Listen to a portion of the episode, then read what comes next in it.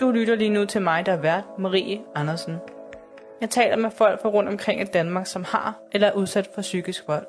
Jeg har gjort det til min mission at belyse emnet psykisk vold, så det kan blive normaliseret, at vi kender til faresignalerne og undgår disse personer, der viser tydelige tegn på det. Velkommen til Psykisk Vold podcast.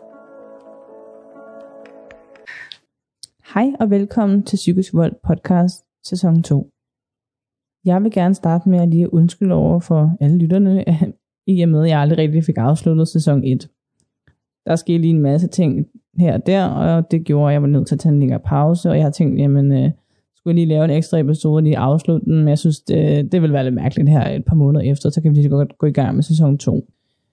Det kommer til at foregå lidt anderledes med sæson 2. Man kan sige, at første sæson, det handlede om, at jeg skulle øh, finde en rytme i det her podcast, og så skulle jeg se, om der var et publikum for det. Og øh, jeg kan faktisk se her over de sidste par måneder, der er det ligesom om den der boomet. Jeg er super glad for, at alle dem, der lytter med og følger, det øh, viser mig jo også bare, at der er en interesse i det her emne. Det er et super vigtigt emne. Til alle jer, der lytter med, så skal I vide, at der også er en Instagram-profil og en øh, Facebook-profil. Inde på Instagram, der hedder psykisk.vold underscore podcast. Og inde på Facebook hedder den bare det samme som herinde på øh, Podimo. Den her sæson, der har jeg lavet et nyt tiltag, og det er, at anonyme mennesker kan skrive ind til mig, og de kan fortælle deres historie. Der er jo rigtig mange, der sidder og har en historie, men måske ikke helt bruger sig om, at det her med, at man skal sidde og snakke med en, eller bare gerne vil ud med den, men, man har ikke lyst til måske at, at skulle sidde her over for mig, eller hvad det nu kan være. Jeg har jo erfaret, at de mennesker, der har været med indtil videre, de bruger det her med at dele deres egen historie, faktisk for at ligesom afslutte et kapitel i deres eget liv, og for at komme videre. Jeg har fået et brev, og jeg begynder på historien nu. Mens min mor er gravid med mig, bliver mine forældre gift. Jeg blev født i 1980. På det tidspunkt var min mor 23, og min far var 27. Jeg beskriver min far som en hård mand, og min mor som en rar, men bestemt kvinde. I deres tid sammen får de i alt tre børn. Jeg er den ældste.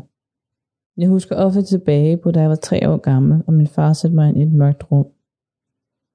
Det gjorde han for at straffe mig. Jeg kan huske, at jeg følte mig bange og forladt. Og det minder som det her, der gør, at jeg i dag har dårlig selvtillid og lav selvværd. Da jeg var fire år, blev mine forældre skilt. Det var en grim skilsmisse. Min fars undertrykkelse, afstraffningsmetode og skilsmissen kommer til at præge mit liv frem til i dag, hvor jeg er 40 år gammel. Efter den her skilsmisse kom jeg til at bo hos min mor sammen med mine søskende. Fremover skal vi tilbringe hver anden weekend sammen med min far. Jeg blev som barn meget splittet mellem mine forældre. Men i dag kan jeg kun rumme at have en relation til den ene. Jeg håber, at jeg en dag kan få en relation til dem begge. Gennem min barndom udsætter min far mig gentagende gange for fremmedgørelse. Det har præget mig senere i livet. På den måde er jeg bange for at bede om hjælp eller sige fra over for giftige mennesker. Min far gav mig et dårligt blik på, hvordan drenge og mænd i fremtiden skulle behandle mig. Det fik senere en stor betydning for mit liv, da jeg mødte min eksmand. I 1986 er jeg 6 år gammel. Min mor blev forelsket i en mand, som jeg flytter ind hos. Det vendte min hverdag til det positive. Min papfar var en rar mand, som boede på en gård og drev landbrug. Han var omsorgsfuld både over for min mor og hans børn. De blev gift i 1987, og for en stund var alt godt og trygt. Men 10 måneder efter dør min papfar af et hjertestop. På det tidspunkt er jeg fyldt syv år, og min verden støtter sammen. Min mor er i så stor sorg, at jeg stadig prøver at tale med min far om min egen sorg. Men min far udsætter mig for forældrefremmedgørelse igen. Han fortalte mig, at ægteskabet mellem min mor og papfar nok var gået over før eller siden alligevel. For der var alligevel ikke nogen, der kunne holde ud og leve med min mor. Så lidt mere som syvårig selv måtte bearbejde sorgen over min papfar. Det har haft betydning gennem hele mit liv. Jeg er både bange for at miste og knytte mig til mennesker nu. Senere på en sommerferie bliver jeg som syvårig slået i bagdelen af min far midt i al offentligheden. Jeg kan huske, at jeg følte mig enormt krænket, og jeg fik følelsen af at være forkert. Men da vi ankommer på parkeringspladsen til forlystelsesparken, kommer min far og jeg op og diskuterer. Jeg vil ikke have regnbukser på. Men min far er en uforsonlig mand, så selvom jeg græd og lovede at tage regnbukserne på, så endte med min far aflyst turen og kørte hjem igen. Det var min straf. Det er oplevelser som de her, der er gennemgående i min barndom, og jeg senere bliver et frustreret barn.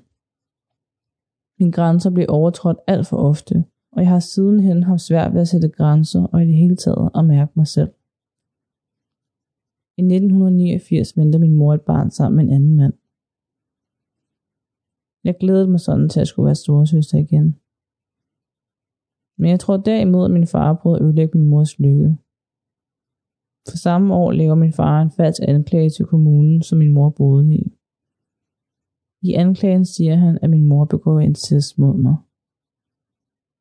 Min fars falske anklage kommer til at præge familielivet hos min mor, hvor min relation til min mor og parfar bliver svækket.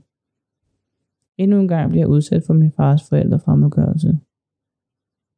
Det gør mig usikker i relationen med min mor. Så selvom min mor gør alt, hvad hun kan, bliver det ødelagt af min fars fremmedgørelse og den medfølgende psykisk vold, som jeg bliver skadet af. Da jeg er 10 år gammel, bliver jeg storesøster igen. Det er jeg glad for. Min mor har fået et barn mere og blevet gift med faren til mine to yngste søskende. Min far fortæller mig, at hun kun har fået et barn mere for at redde hendes ægteskab med min papfar. Det er svært at forholde mig til, og jeg bliver ked af det. Som 13-årig fortæller min far mig, at min mor lider af to personligheder. I virkeligheden talte han sgu nok om sig selv. Men på det her tidspunkt vidste jeg ikke, at den adfærd og de ting, han udsatte mig for, var psykisk vold. Da jeg er 14 år gammel, beskriver jeg et brev til min papmor, at jeg har det dårligt, og jeg har lyst til at dø. Men hun hører mig ikke, og jeg får ingen hjælp. Da jeg fyldte 15, skal jeg på hiking sommerferie med min far og to søskende. Vi havde pakket rygsækken og drog turen mod København. Men da vi ankommer, har min far en dårlig adfærd, og jeg gør opmærksom på min frustration over det. Igen bliver både jeg og min søster straffet ved at få aflyst turen, og vi tager hjem til Jylland igen. Som 16-årig er jeg 1,65 cm høj og vejer 70 kg. Vægten går på, og jeg er ked af min udseende. Det blev starten på et usundt forhold til min krop, hvor ingen hjælper mig. I dag er jeg 170 cm høj og vejer 60 kg. Hvis jeg bare vejer 1 kg mere, får jeg det dårligt med mig selv, både fysisk og psykisk. Jeg har siden dengang holdt nøje øje med vægten. Efter jeg har gået på efterskole i to år, blev jeg tilbudt en læreplads som maler i området, hvor min far bor. På grund af min fars forældrefremmedgørelse flytter jeg som 17-årig ind til ham og min papmor. Det er noget, min far har kæmpet for hele min barndom. Så derfor troede jeg, at han ville hjælpe og støtte mig. Men i stedet for virkede han overhovedet ikke glad for, at jeg var flyttet ind. Det gjorde mig rigtig ked af det. Og det endte faktisk med, at jeg fik en depression. Da jeg havde boet der i lidt under et år, ville min far ikke længere have mig boende. Han hamrede sin hånd ind i væggen på mit værelse og råbte, at han ville smide mig ud. Jeg blev skræmt og bange for ham. Det kunne han godt se, så han ombestemte sig midlertidigt. Men da jeg blev 19 år, der smed han mig ud. På det her tidspunkt havde jeg massive problemer, og jeg var slet ikke moden nok til at stå på egen ben. Jeg havde stadigvæk halvanden år tilbage, før jeg var færdiguddannet maler. Min mor var enormt bekymret, og hun gjorde alt, hvad hun kunne for at hjælpe mig. På det her tidspunkt havde jeg et stofmisbrug, som jeg beskrev som weekendsnarkoman. Jeg kæmpede mig selv over på den anden side, og blev på egen hånd clean igen. Da jeg er 21, får jeg en abort. Aborten påvirker meget, for jeg vil gerne være mor og have børn en dag. Det fyldte rigtig meget, og jeg skulle bearbejde det alene, for jeg følte ikke, at jeg havde nogen at tale med det om. Jeg havde ingen tillid til hverken min far eller papmor. Og den tryghed og hjælp, jeg i dag ved, jeg kunne have fået fra min mor, stolede jeg ikke på, fordi min far havde talt dårligt om hende hele min barndom. Derfor troede jeg ikke, hun ville hjælpe mig. I dag ved jeg, at hun ville have hjulpet mig til hver tid. Men jeg følte mig enormt ensom og uelsket. Jeg tænkte tit på, hvorfor mine forældre overhovedet valgte at få mig. Og det ikke bare var nemmere, hvis jeg ikke var blevet født. Efter en periode på egne ben får jeg et lille rækkehus. Jeg begyndte at få det godt, og jeg havde en god omgangskreds, der var sund for mig. Jeg taler stadig med nogle af de her venner, jeg fik for 20 år siden. Min mor kom ofte og besøgte mig og havde min yngre søskende med. Så hyggede vi os med kage og middagsmad. På en bytur mødte jeg min eksmand. Jeg blev stormende forelsket lige med det samme. Han var 24 år, og vi var begge uddannet og havde fast job som håndværker. Han kørte i en stor og dyr bil, men han boede stadigvæk hjemme hos sine forældre, hvor han betalte symbolsk beløb for kost og logi. Han var en rigtig drengerøv uden noget ansvar. Det varede ikke længe, før han boede hos mig i en lejlighed, og den psykiske vold, han udsatte mig for at komme snigende. Han begyndte at isolere mig fra mine venner og familie ved at fortælle mig, at det var forkerte. Og det påvirker mig meget. Da vi havde været kærester i et halvt år, udsætter han mig for fysisk vold for første gang.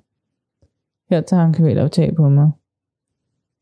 Jeg blev meget bange for ham, og min tillid blev svækket markant.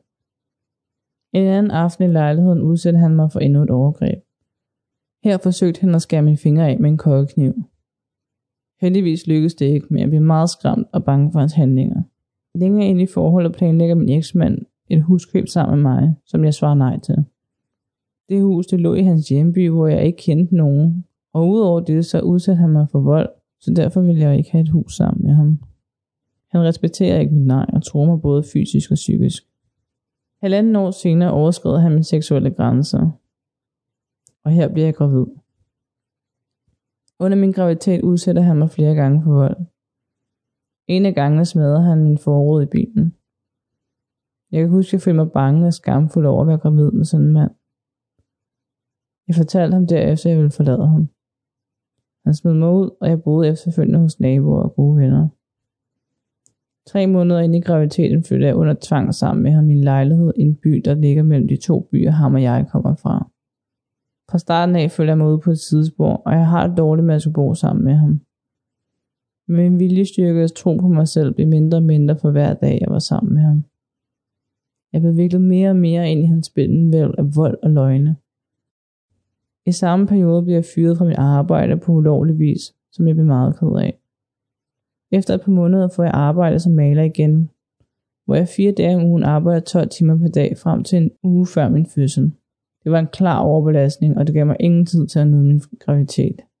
Da jeg kan udtrykke til min eksmand om hans grænseoverskridende adfærd, skubbede han mig rundt i lejligheden, mens jeg var højgravid, så jeg mistede balancen og faldt. Dagen op til termin siger han, at hvis jeg giver udtryk for smerte under fødslen, vil han straffe mig. Så der skal føde min datter er udtryk, men jeg tør ikke fortælle fagpersonalet af volden. For jeg er bange for, hvad min eksmand vil udsætte mig for, og vigtigst af alt, hvad han vil udsætte vores nyfødte datter for. Fødslen går hurtigt, og efter en halv time kommer min sunde, velskabte og dejlige datter til verden. Dengang blev man tilbudt et ophold på sygehusets barselsgang i op til fem dage. Så efter fem dage kom jeg hjem i lejligheden. Min eksmand han fortsatte stadig med at udøve psykisk vold på mig. En af de følgende par episoder, da min datter er tre måneder gammel, og jeg stadig ammer hende, låser min eksmand mig nøgen ud af lejligheden. Han forhindrede mig i at kunne yde omsorg for min lille datter. Da hun er fire år gammel, hiver han hende ud af armene på mig og tæsker mig for øjnene af vores datter. Volden påvirker min datter og jeg, men det stopper ikke min eksmand. Da hun er fem måneder gammel, smadrer han vores egen del i lejligheden og smider ting efter mit hoved. En anden kold vinteraften går han amok igen. Dengang ringer jeg til politiet. Da de ankommer, nægter min mand at låse døren op. Efter han bliver troet med, at hvis han ikke låser døren op, så ringer de efter en låsesmed. Så låser han den op til sidst. Jeg skynder mig ind på min datters værelse for at berolige vores lille datter, mens min eksmand står i køkkenet og taler med politiet. Her får jeg hverken muligheden for at anmelde volden eller tilbyde om et ophold på et krisecenter. Selvom de har skærpet underretningspligt, foretager politiet ingen underretning til kommunen. Her følte jeg, at slaget stod tabt, og jeg var skakmat. Min tillid til myndighederne blev svækket markant efter det her. Min eksmand fortsatte sin voldelige adfærd, men jeg gjorde sig umage for at ikke at påføre synlige mærker på min krop. Min eksmand frier senere til mig, men jeg afviser hans frieri, hvilket han bliver meget vred over. Nogle uger senere tvinger han mig til at købe et hus sammen med ham. Heldigvis går husfanden i vasken, og jeg bliver for en tid lettet. Da min datter er 6,5 måneder gammel og starter i dagpleje, bemærker dagplejemoren, at der er noget galt med min datters adfærd. Jeg er bange for, hvad min eksmand vil gøre mod både min datter og jeg, hvis jeg fortæller dagplejemoren, hvad der foregår derhjemme. Derfor holder jeg korten tæt. Efter endnu en voldsepisode tager jeg imod til mig og forlader min eksmand efter tre års forhold. På det her tidspunkt er jeg 25. Han kører på mig både psykisk og fysisk, så til sidst med voldens magt overgiver bopælsretten af vores datter på 9 måneder til ham, så vi får en 7-7-ordning. Han flytter hjem til sin hjemby, og jeg flytter til samme by for at være tæt på min datter, når hun er hos sin far. Fra den gang og frem til nu har min eksmand udsat både min datter og jeg for en voldelig og narcissistisk adfærd. Han er intimiderende, blander sig konstant i mit kærlighedsliv, blander sig i mine venner bekendte, overskrider min seksuelle grænse, gør tjenester for at få noget til gengæld, udnytter min samarbejdsvilje om vores datter, stalking, og han tvinger mig til at optage lån i banken og udlevere til ham. Min datters adfærd ændrer sig negativt, hvilket det er bemærket i hendes nye vuggestue et halvt år efter hun har startet. En pædagog har indkaldt til et møde, fordi hun er bekymret for min datters adfærd. Men pædagogen bliver mødt negativt af min eksmand, der overtrumfer pædagogen verbalt, så det ender med, at vi ikke når frem til en gammel løsning for min datter. Dette møde bliver det første af mange hen over de næste 10 år med bekymring af hendes adfærd og trivsel. Se det bagspejlet var min datters adfærd en reaktion på den vold, både hun og jeg blev udsat for af hendes far. Det er simpelthen så vigtigt, at fagpersoner får viden og redskaber til at håndtere vold, så den bliver opdaget og stoppet så tidligt som overhovedet muligt. Da jeg er 26 år, begynder jeg at ses med en mand, der er 13 år ældre end mig. Men forholdet stopper efter tre måneder på grund af en konstant chikane fra min eksmand, der også opsøgte min nye kæreste. Da jeg er 29 år, møder jeg en anden sød mand til nytårsaften. Han er fire år ældre end jeg og selvstændig tømmer og bor på en anden ejendom med hans hund. Ejendommen lå tæt på mig. Vi begynder at se noget mere, og til sidst bliver vi kærester. Alt er hyggeligt og trygt for både min datter og jeg, der nu er fem år gammel, og vi nyder tiden sammen med min kæreste. Men igen bliver jeg udsat for massiv chikane og trusler fra min eksmand. Han opsøger mig konstant og ringer og skriver truende beskeder, og når jeg er sammen med min kæreste, bliver jeg bombarderet med voldelige opkald og skræmmende beskeder fra ham. Han tror med at opsøge både min kæreste og jeg, og han vil tæske os til uigenkendelighed. Den udmelding gør mig meget bange og utryg. Den gør mig faktisk så bange og utryg, at jeg sent om aftenen flygtede fra min lejlighed og ud af byen med min datter i vores bil. Han forudsætter, og efter et halvt år på den her måde, slutter mit forhold til min kæreste. Det gør jeg i mange år ikke til at indlede et forhold til en anden mand, for jeg frygter alt det, min eksmand vil udsætte både min datter og jeg for. Der skal i hvert fald gå 10 eller 11 år, før jeg finder en ny kæreste igen. Jeg husker en anden episode, hvor min datter er 4-5 år gammel, og bliver vidne til et fysisk overfald af min eksmand under en aflevering til samvær. Hun ser, hvordan sin far på 125 slår sin 60 kilo tunge mor i gulvet, og jeg bliver liggende, mens han sidder overskrevet på mig, mens han slår mig og tager kvælertag. Denne episode den satte dybe spor hos min datter, og efterfølgende blev hun meget på vagt over, når folk løftede deres arme. En anden gang, da min datter på samme hos mig, bliver jeg igen opsøgt af min eksmand, som er fuld og højt råbende. Min nabo reagerer og siger, at hun må ringe til politiet. Min datter og jeg flygter ind i bilen, men vejen bliver blokeret af min eksmand, der smadrer hans pizzaer ud på forruden med en meget aggressiv og voldelig adfærd. Han flår bildøren op, hvor min datter sidder, og råber ind i hendes ansigt. Hvis du elsker din mor så højt, så tag dog med hende. Jeg får ham væk fra døren og smækker ind i, hvor jeg sætter speederen i bund, hen til min veninde, der bor i samme by som jeg. I en lang periode efter det her tør jeg ikke længere være på min egen bopæl. Og min datter, hun er tydeligt mærket efter hændelsen, og det samme er jeg. Herefter fortsatte han sin chikane, og han ringede konstant. En anden sen aften, da min datter er syv år gammel, er hun på samvær hos sin far. Jeg bliver kontaktet af ham, og han lyder pissefuld. Det gør mig meget bekymret for min datter, så jeg tager hen på hans bopæl. Her bliver jeg mødt af et meget bekymrende syn af ham, der er pissefuld og på stoffer. Det er tydeligt, der er blevet holdt fast i flere dage med mange mennesker, mens min datter har været til stede. På spisebordet ligger der et CD-cover med stoffer på. Jeg får fjernet stofferne og sætter mig ind til min datter og prøver at berolige hende. Min eksmand er stærkt påvirket og har en voldelig adfærd, og derfor tør jeg ikke gå med min datter af tidligere erfaringer for hans reaktion. I stedet lukker jeg døren til min datters værelse, og jeg sidder med hende i sengen, mens jeg sidder klar på telefonen for at ringe efter hjælp. Da min datter er 10 år gammel, er der en lærer på en skole, der laver en underretning vedrørende vold i hjemmet. Min datter har fortalt om, hvad der foregår til hendes lærer. Vi kommer ind til et møde på kommunen og på et netværksmøde, som er fælles for begge forældre. Jeg frygt for, hvad han vil udsætte min datter og jeg for, når vi kommer hjem, tør jeg ikke fortælle om volden, der bliver begået. Sagen bliver henlagt til trods for min datters udtalelse om en eksmand ved et tidligere møde med læreren, hvor skolepsykologen stolt har udtalt, at han har en voldelig adfærd og har smadret en mand i byen. Efter mødet udsætter min eksmand også for vold endnu en gang. Da jeg er 36 år, kan min krop ikke mere, og jeg bliver meget syg. Mine hænder kramper og hæver op til den dobbelte størrelse. Jeg kan ikke knytte mine hænder, og mine fødder hæver også op, så jeg ikke længere kan gå, uden at det gør ondt. Jeg kan stadigvæk mærke det her fem år senere, og jeg kan ikke strække mine arme og ben ordentligt. Jeg har generelt mange smerter i min krop, og det påvirker mig psykisk. Jeg sover 14 timer i døgnet, og jeg er meget bange for min krops udvikling. Da det begyndte, tog jeg til lægen, som jeg kun gør, når noget er meget alvorligt. Lægen udskrev noget smertestillende, som jeg tog, når jeg malte og skulle passe min datter hver anden uge. Efter en halv år med smerter bliver jeg sygemeldt. I starten af sygdomsforløbet gik jeg til fysioterapeut, kiropraktor, massør og psykolog. Jeg gik til flere forskellige undersøgelser på sygehuset for at finde forklaring på min krop. Samtidig gjorde jeg alt, hvad jeg kunne for at være en god mor over for min datter, og det påvirkede mig meget, at jeg ikke kunne være den mor, jeg gerne ville være på grund af min sygdom. Efter 3-4 år på den her måde, bliver jeg med egen opfordring undersøgt for borrelia.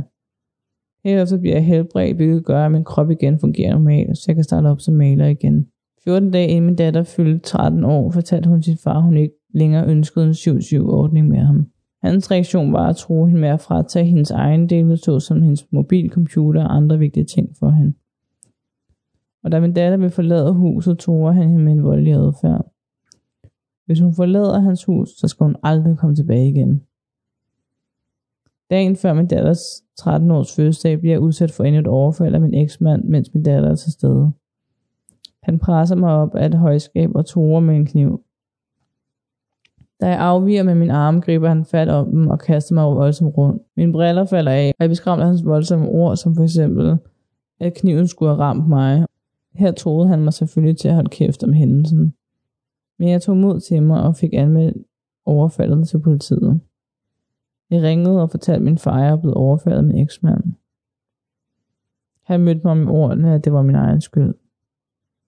Og det gjorde virkelig ondt at høre fra min far, der hverken støttede eller hjalp mig. Men min mor trådte til og hjalp mig med det samme.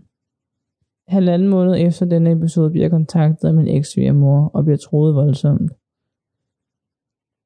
Jeg bliver bekymret for min datters behandling af hendes farmor, særligt fordi min datter før har nævnt, at hun føler sig tilsidesat og bange for sin farmor. Derfor henvender jeg mig til kommunen om at få et netværksmøde for at sikre min datters trivsel. Jeg fortæller jer, at min datter bliver udsat for vold af min eksmand.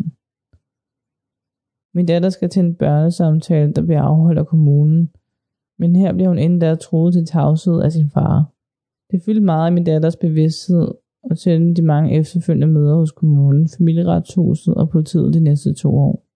Og derfor fortæller hun ikke om, at hendes far er voldelig. Tre dage før jeg skal til et netværksmøde på kommunen, som bliver det første i en lang række møder, vi jeg en lørdag nat med min datter på samvær opsøgt endnu en gang af min eksmand. Han truer med vold på åben gade, og jeg bliver troet til tavshed af ham. På netværksmødet tør jeg ikke fortælle om volden. Jeg har på forhånd skrevet en mail til sagsbehandleren om volden, men jeg bliver ikke spurgt yderligere ind, og sagsbehandleren reagerer aldrig på de oplysninger, jeg har givet hende. Til de mange efterfølgende møder har jeg en bisidder med. Vold og overgreb mod min datter og jeg begynder efter netværksmøderne. Vi bliver ikke hørt, når vi fortæller om volden. Sagsbehandleren laver partsindlæg på uoplyst grundlag, utidig indblanding i samværssag mellem barnets far og jeg. Sagsbehandler forholder sig ikke objektivt og professionelt, der sker faktuelle fejl, der bliver drejet konklusioner før afslutninger på undersøgelser. Det er tankevægtende, som den pågældende kommune veksler mellem at bruge min datters kognitive alder og juridiske alder, alt efter om det passer ind i situationen. Systemvold mod min datter og jeg stopper ikke bare ved kommunen, men den fortsætter i statsforvaltningen og senere i familieretten. Det er et gigantisk pres på både min datter og jeg. Alt det her for at anmelde min eksmand for vold og for at henvende mig med min bekymring om min datters trivsel til kommunen. Jeg oplever flere gange at blive forfulgt for mærkelige opkald og skræmmende opkald af min eksmand. Forfølgelsen fortsætter, selvom jeg flere gange klart og tydeligt frabeder mig det både verbalt og på skrift. Op til møder hos kommunen, myndighederne, politiet og familieretten bliver udsat for vold til at holde mund. Det samme gælder min datter, og derfor tager hun ikke udtale sig til sin kontaktperson fra kommunen. Den her kontaktperson fik hun først halvanden år efter, at jeg søgte hjælpen til hende. Min datter kontakter børnenes vilkår om at få en bisidder med til møder hos kommunen og statsforvaltningen ved retten. Denne bisidder er hen over det næste års tid hjemme hos mig, to til tre gange for at tale med min datter. Min datter ønsker, at den anden børnesamtale bliver holdt inde på hendes værelse, hvor hun er tryg. På dette møde byder min datter om aktindsigt, som hun vil læse igennem med hendes bisidder. På det tidspunkt er min datter under 15 år, og det aftales med sagsbehandleren, at aktindsigten sendes på mail til bisidderen. Men sagsbehandleren forhindrer med alle midler, at min datter får aktindsigt forud for to vigtige møder. En børnesamtale med sagsbehandleren på kommunen og et møde med en psykolog i familieretten. Min datters møde med retten, hvor bisidderen fra børns vilkår deltager, er farvet af, at min datter ikke har fået muligheden for at gemme sig aktindsigten. Først seks måneder efter samtalen om aktindsigten, og efter begge vigtige møder med myndigheder, får min datter og hendes bisidder læse aktindsigten igennem på min datters værelse, mens jeg ikke er i lejligheden. På grund af fejl på kommunen kom min datters udtalelser om vold og andre ting aldrig frem. De næste to år bliver sagsbehandleren underrettet om vold i hjemmet hos min eksmand både via telefonen og mail. Da min datter er 14 år, mistrives hun og viser bekymrende adfærd i forhold til spisevaner. Hun føler sig tyk og giver klart udtryk for at være ked af sin vægt. Det gør mig bekymret, og vi går sammen til lægen, der henviser til et forløb hos en diætist. Forløbet det står jeg selv for, mens sin far på ingen måde viser interesse eller støtter op. Efter meget besvær får jeg et møde på kommunen med den øverste direktør for børn og forebyggelse. På mødet fortæller jeg om mistrivelse og fejlhåndtering, som har haft store menneskelige omkostninger for min datter, og der foregår vold både mod hende og jeg. Cirka et halvt år senere beder jeg om at få et møde med min borgmester. På mødet, hvor min bisidder også deltager, forelægger det samme som ved tidligere møde. Jeg får et møde med min datters kontaktperson med fokus på volden i hendes barndom, men kontaktpersonen reagerer ikke på de oplysninger, jeg giver hende om volden, min eksmand begik. Da min datter er 14 år gammel, er hun så meget i mistrivsel, at hun begynder at tale om ånder, der gør skade. Hun går skræmmende meget op i overnaturlige kræfter, og hendes kontaktperson oplyser om min datters bekymrende adfærd. Jeg tager hende til lægen og bliver henvist til børnepsykiatrisk afdeling. Op til mødet bliver min datter igen skræmt til tavshed af hendes far, og sagen på børnepsykiatrisk afdeling bliver lukket samme dag som mødet. Min datter fortalte et halvt år senere, at hun ikke fortalte lægen om hendes mistrivsel, vi var bange for at blive spærret inde på den lukkede afdeling. Jeg støtter hende så meget jeg kan og fortæller hende det vigtige, hun fortæller om sin trivsel til fagpersonen, så hun kan få den rette hjælp.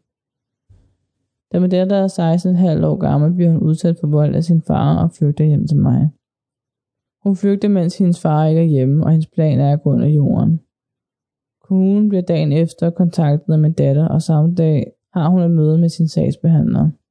På trods af de mange oplysninger om hendes far voldelige adfærd, indkalder sagsbehandler hendes far til, til delvis at deltage i mødet. På mødet bliver det bestemt at efter min datters ønske, at hun skal være hos sin mor. Min datter anmelder ham for vold til politiet, hvor hun har en lydoptagelse, der bekræfter den vold, han har udsat hende for. Dagen før afhøringen bliver hun kontaktet af sagsbehandleren fra kommunen, som prøver at manipulere min datter til at ændre forklaring hos politiet. Hos politiet bliver min datter hverken set eller hørt. I forbindelse med hendes flugt får jeg et møde med min datters sagsbehandler og lederen. På mødet fortæller jeg om volden, men ingen af dem reagerer på oplysningerne. Min datter henvender sig til familieretshuset og kan bruge sin initiativret. Hun fortæller hun om sin mistrivsel, og at hun har størst tillid til sin mor, og hendes far er voldelig. Men efter afhøringen bliver hun troet af sin far til at trække henvendelsen tilbage. I cirka 20 år, hvor der kører retssager og sager ved kommunen, bliver stalket med opkald midt om natten og dagen lang bliver udsat for forfølgelse, uanset om min datter er på samvær eller ej. Det er meget stressende, og jeg anmelder det flere gange til politiet. Jeg gør opmærksom på de ting, der foregår til myndighederne, pædagogerne, skolen, kommunen og politiet. Men der bliver aldrig reageret på den vold, jeg fortæller om. Min datter og jeg bliver i overvis udsat for psykisk chikane fra min eksmand og øvrige familiemedlemmer, mens der kører disse sager. Jeg får trusler om, at personer i min omgangskreds vil blive smadret til ukendelighed af min eksmand. Jeg er skræmt, og jeg er bange. Jeg har set og mærket den vold, min eksmand er i stand til at begå. Det er spørgsmål tid, før han begår vold igen. Derfor har jeg gået rundt i en evig frygt for ham. Det er ødelæggende og stressende både for min datter og jeg. Da min datter er 17 år, bliver hun udsat for psykisk vold som trusler, kontrol, isolation, ydmygelser, manipulation, tavshed og ligegyldighed fra hendes far. Jeg er lige nu i gang med at sætte min egen lejlighed for at flytte væk fra byen. Finde ro og måske få lov at nyde livet bare lidt. Den her kamp har ødelagt og ruineret mig. Men jeg gør alt, hvad jeg kan for at komme videre i mit liv. I dag er min datter 17 år gammel og går på efterskole. Jeg stoler på min egen mor 100%, hvorimod jeg ikke længere tror på min far, og vores kontakt er minimal. Jeg har valgt at dele min fortælling i denne podcast for at fremme forståelsen om vold mod barn og mor. Både begået af familie og systemet. Jeg håber, jeg har udtrykt mig klart og tydeligt om, hvor farligt vold er, og vigtigheden for at hjælpe både mor og barn ud af volden, så tidligt som overhovedet muligt. Tak fordi I lyttede med alle sammen. Det her det var det første anonyme brev, jeg har modtaget. Og øh, tusind tak til dig, som har skrevet ind til mig